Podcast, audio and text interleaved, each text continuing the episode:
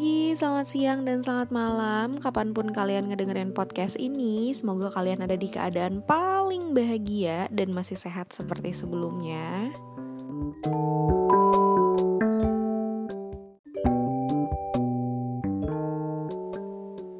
Welcome to this podcast episode ketujuh.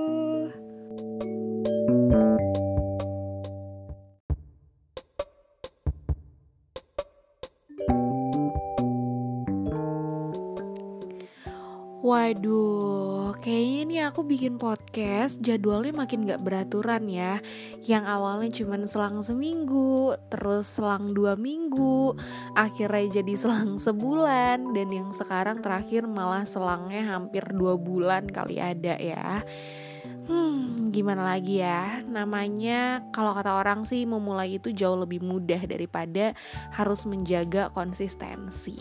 Hmm, sama kayak hubungan.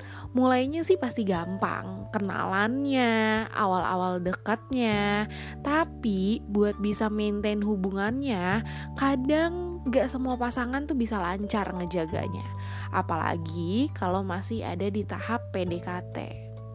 Bisa banget gebetan kita atau pasangan kita dengan mudah hilang dan pergi kalau kita nggak bisa nahan momennya.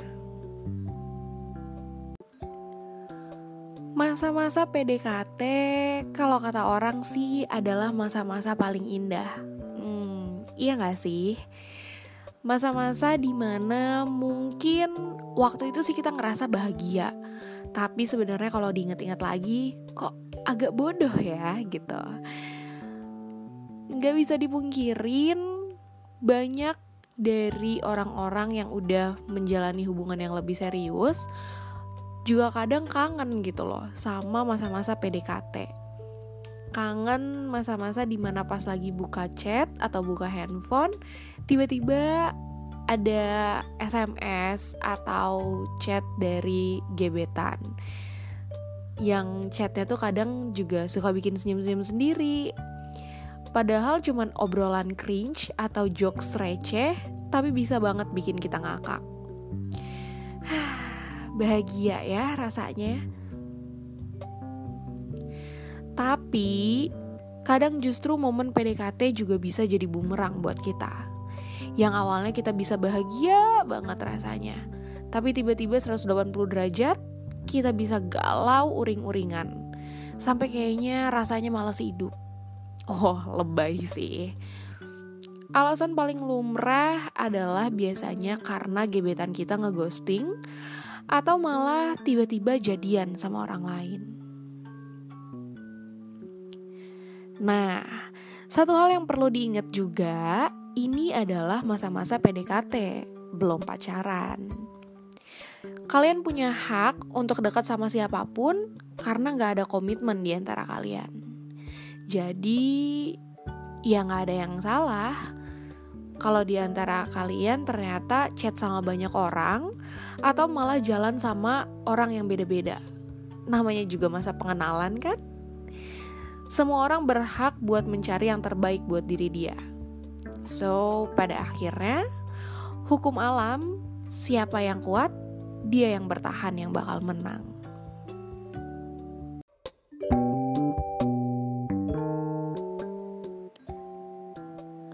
Oke, this podcast episode kali ini aku akan mencoba berbagi tentang gimana sih cara ngejaga momen pada saat PDKT biar kita nih sebagai cewek nggak cepet di ghosting sama cowok atau nggak cepet tiba-tiba di cut sama cowok.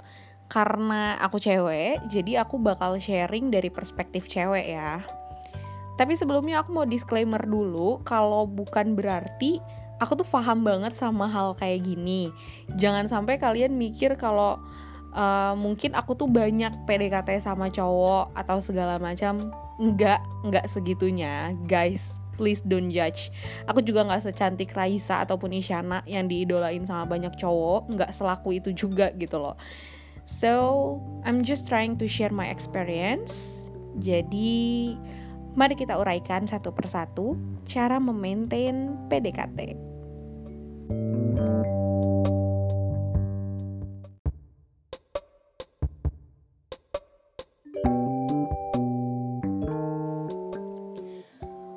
First of all, hal yang paling penting kalau menurut aku adalah menjadi diri sendiri.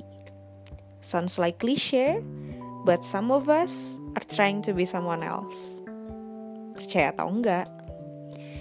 Tapi mungkin beberapa orang akan ngeklaim kalau enggak kok waktu itu tuh zaman PDKT udah jadi diri sendiri, udah apa adanya banget. Padahal banyak hal-hal minor yang ternyata kalau kita ingat-ingat lagi, sebenarnya kita nggak lagi jadi diri kita sendiri. Contohnya, mungkin jeda waktu kita ngebales chat. Kalau misalkan kita ngebales chat teman, kita bisa ngebalesnya lama banget. Tapi karena ini di chatnya sama gebetan, kayaknya tuh bawaannya pengen cepet-cepet ngebales aja gitu. Atau mungkin sebaliknya. Contoh lainnya, dalam hal kita merespon suatu obrolan. Mungkin kalau kita ngobrol sama temen, kita bisa segila mungkin, seasik mungkin ngebales obrolannya. Karena kita nggak takut bakal dijudge aneh, dijudge gak asik, atau dijudge jayus gitu. Tapi karena ini lagi ngobrol sama gebetan, kita jadi mikir untuk ngebales suatu obrolan. Kalau ngebales ini dikira aneh nggak ya? Kalau ngebales pakai bercandaan ini takutnya jayus deh. Hal-hal yang terlalu banyak kita pikirin malah tanpa kita sadarin ngebuat kita jadi merespon satu obrolannya bukan karena pemikiran kita nggak spontan gitu loh. Nggak apa adanya kita. Nah kalau dari hal-hal sepele kayak gini aja kita nggak bisa nunjukin siapa kita yakin deh pasti nanti akan ada di satu titik gebetan kita bilang kok kamu berubah sih Iya karena dari awal kita aja nggak bisa nunjukin siapa diri kita sebenarnya. Karena percaya atau enggak, ketika kita udah ngejalanin suatu hubungan, pasti sifat natural kita tuh dengan sendirinya bakal muncul. Si sifat asli yang selama ini tuh udah kita tahan-tahan karena kita jaim, karena kita takut dinilai inah itu sama si gebetan. Nanti tuh bakal muncul dan mungkin ngebuat si gebetan malah jadi nggak nyaman atau malah ngekat aja baik aja gitu menurut dia. Jadi kalau menurut aku penting buat kita kenal dulu nih sama si karakter kita sendiri tuh kayak gimana. Jangan sampai nanti malah dibilang berubah 180 derajat lah Atau dibilang fake Atau dibilang manis di awal doang ternyata aslinya nyebelin Kan gak enak ya malah dibuat Eh bukan dibuat maksudnya malah dinilai jelek sama si gebetan kita sendiri gitu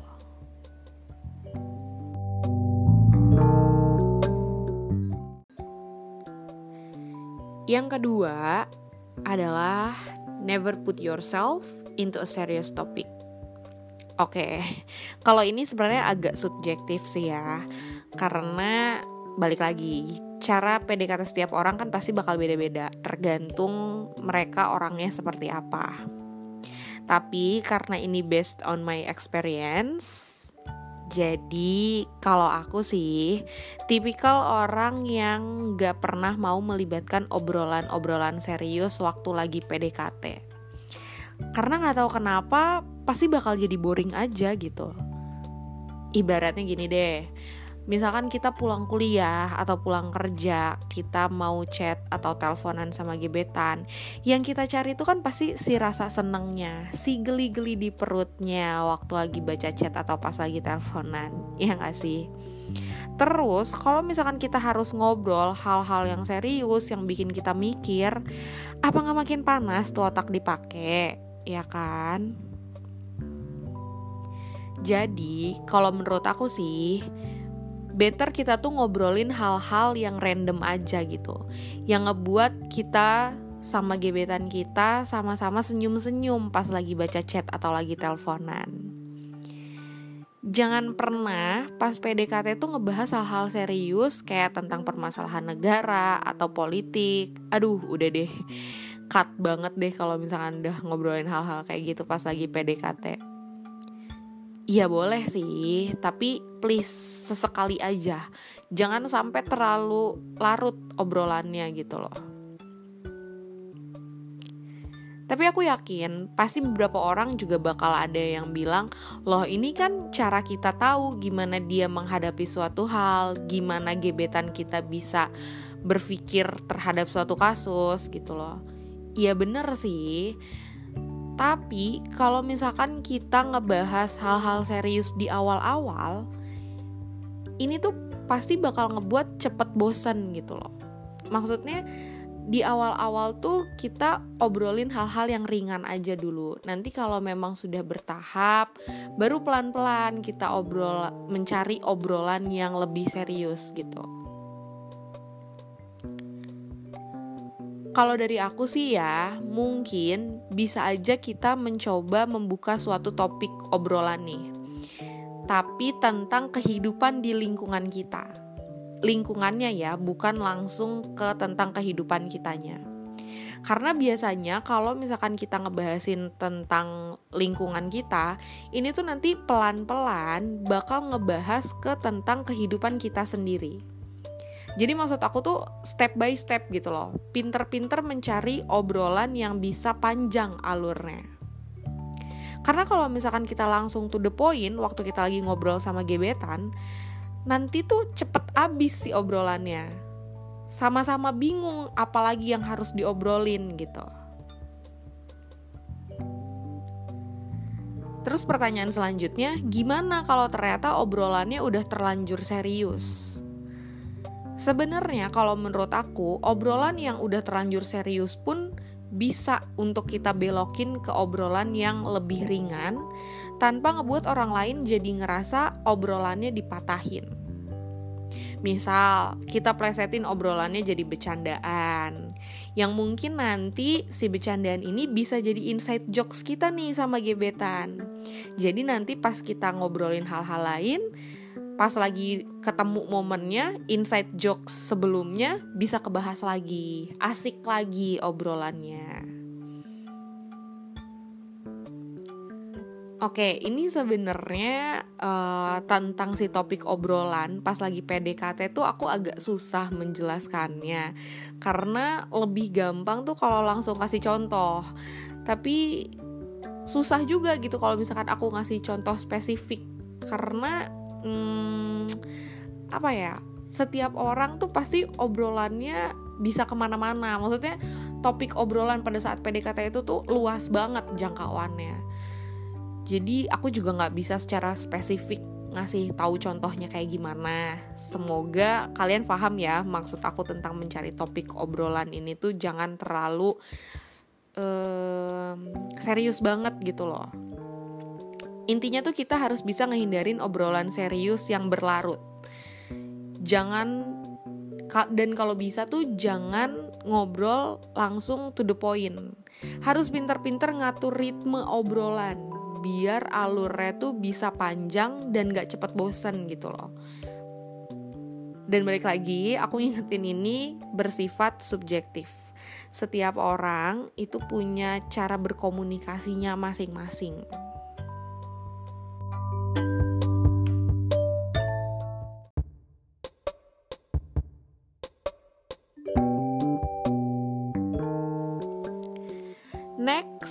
adalah tarik ulur. Ya kalau ini sih kayaknya udah jadi rahasia umum ya. Waktu lagi PDKT tuh emang harus pinter-pinter tarik ulur. Katanya sih semakin sering PDKT Makin sering kita buat pinter narik ulur layangannya gitu. Gak munafik sih Trik tarik ulur ini adalah salah satu trik paling manjur kalau lagi PDKT karena kita dan gebetan kita jadinya sama-sama penasaran. Walaupun beberapa orang bakal bilang ngapain sih tarik ulur, so jual mahal banget. Ntar kalau misalkan gebetannya beneran hilang gimana? Sebenarnya sih, kalau buat aku pribadi, konsep tarik ulur tuh adalah untuk ngilangin rasa bosan sama ngehindarin si kehabisan topik tadi yang aku bahas sebelumnya. Jadi istilahnya kita tuh ngasih jeda sama gebetan kita untuk live their own life dulu aja. Nanti pas misalkan uh, kita udah berhubungan secara intens lagi, pasti bakal banyak banget cerita yang bisa kita bahas. Atau semisal seminggu ini kita asik banget ngobrolin nah itu sama gebetan kita. Kita duluan istilahnya yang ngegas terus Nah, nanti seminggu kemudian misalnya kita jadi ngobrolnya seadanya, ngerespon obrolannya seadanya. Bukan berarti langsung off, maksudnya langsung jadi uh, memperlihatkan kita jual mahal gitu enggak. Tapi paling enggak kita ngasih waktu ke gebetan kita untuk lead the game gitu loh. Ya kalau urusan si gebetannya nanti beneran hilang atau enggak karena kita tarik ulur sih ya udah anggap aja emang mungkin berarti dia nggak sepenasaran itu sama kita. Berarti dia nggak setertarik itu sebenarnya sama kita gitu loh. Jadi poinnya adalah tarik ulur ini nih digunain buat si gebetan penasaran sama kita dan buat tahu kira-kira beneran gak ya dia tuh serius ngedeketin kita.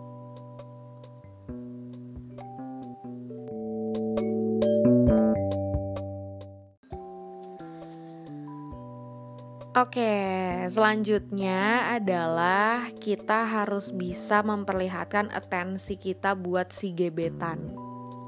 Showing your love to him doesn't mean you have to say I love you first, right?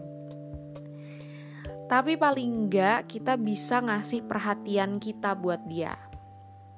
Mungkin bisa dimulai dari hal-hal sederhana, kayak ngebangunin dia pas dia mau pergi ngampus atau kerja, jadi penyemangat dia pas lagi capek, atau nemenin dia pas lagi begadang karena harus nugas atau lembur kerja. Tapi please, jangan juga terus-terusan buat ngingetin makan dan minum. Karena gebetan kalian ini tuh juga manusia. Secara biologis mereka juga pasti butuh makan dan minum. Jadi nggak mungkin dia pasti lupa.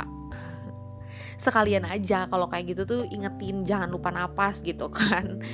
Nggak maksudnya bercanda. Jadi jangan sampai kita juga over ngasih perhatiannya yang ngebuat dia ngerasa kita lebay gitu loh. Sewajarnya aja, tapi cukup ngebuat dia ngerasa, oh nih orang ternyata emang ada rasa ya sama gue. Oh ternyata nih orang perhatian banget ya jadi cewek. Sampai situ aja cukup kok. Karena dengan cara kayak gini, gebetan tuh jadi tahu kalau kita punya rasa lebih dan dia bisa nyaman sama kita jadi makin penasaran gitu loh sama kita. Beberapa cewek yang gengsinya tinggi mungkin bakal mikir gengsi ah masa kita duluan yang nunjukin? Hai kalian para wanita-wanita kasta tinggi di luar sana. Ingat cowok tuh juga bukan peramal yang bisa tahu kalau kalian punya perasaan atau enggak sama dia. Karena kalau kita nggak nunjukin atau kita jual mahal terus-terusan, cowok juga capek dan males ngejar kita sebagai cewek. Kalau aku sih ya mikirnya gini, kalau kita punya kesempatan untuk nunjukin perasaan kita ke gebetan kita, ya siapa tahu untung-untung dia juga bisa nangkap sinyal kita dan hubungannya berlanjut. Kalaupun ternyata mereka nggak nangkep sinyal kita ya udah gitu nggak apa-apa juga.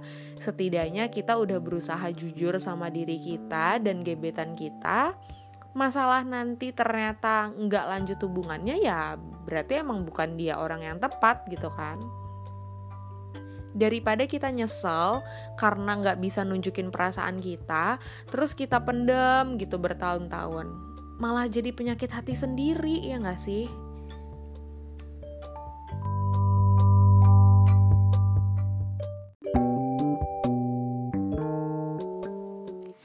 Yang terakhir adalah jangan posesif.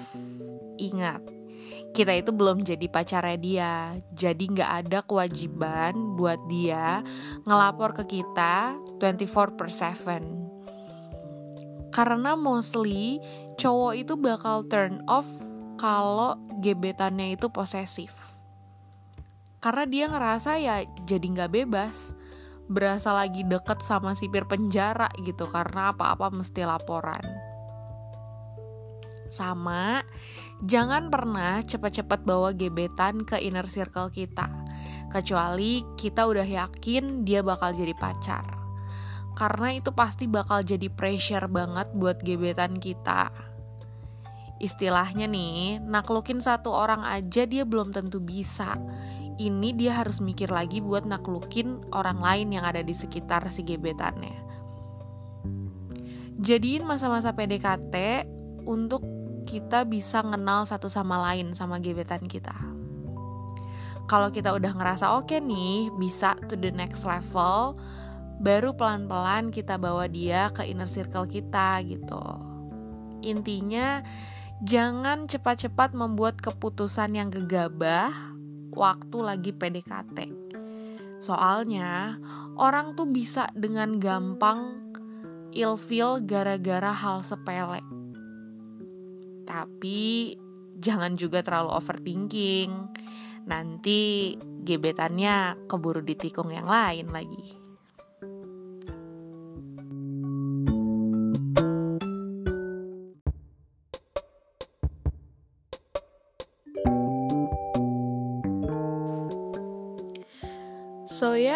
Itu tadi tips and trick, celah tips and trick tuh.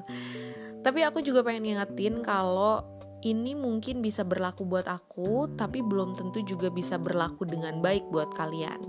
Karena kalian yang tahu vibes PDKT kalian sama gebetan kalian itu kayak apa. Jadi ya disesuaikan aja gitu loh sama hubungan kalian.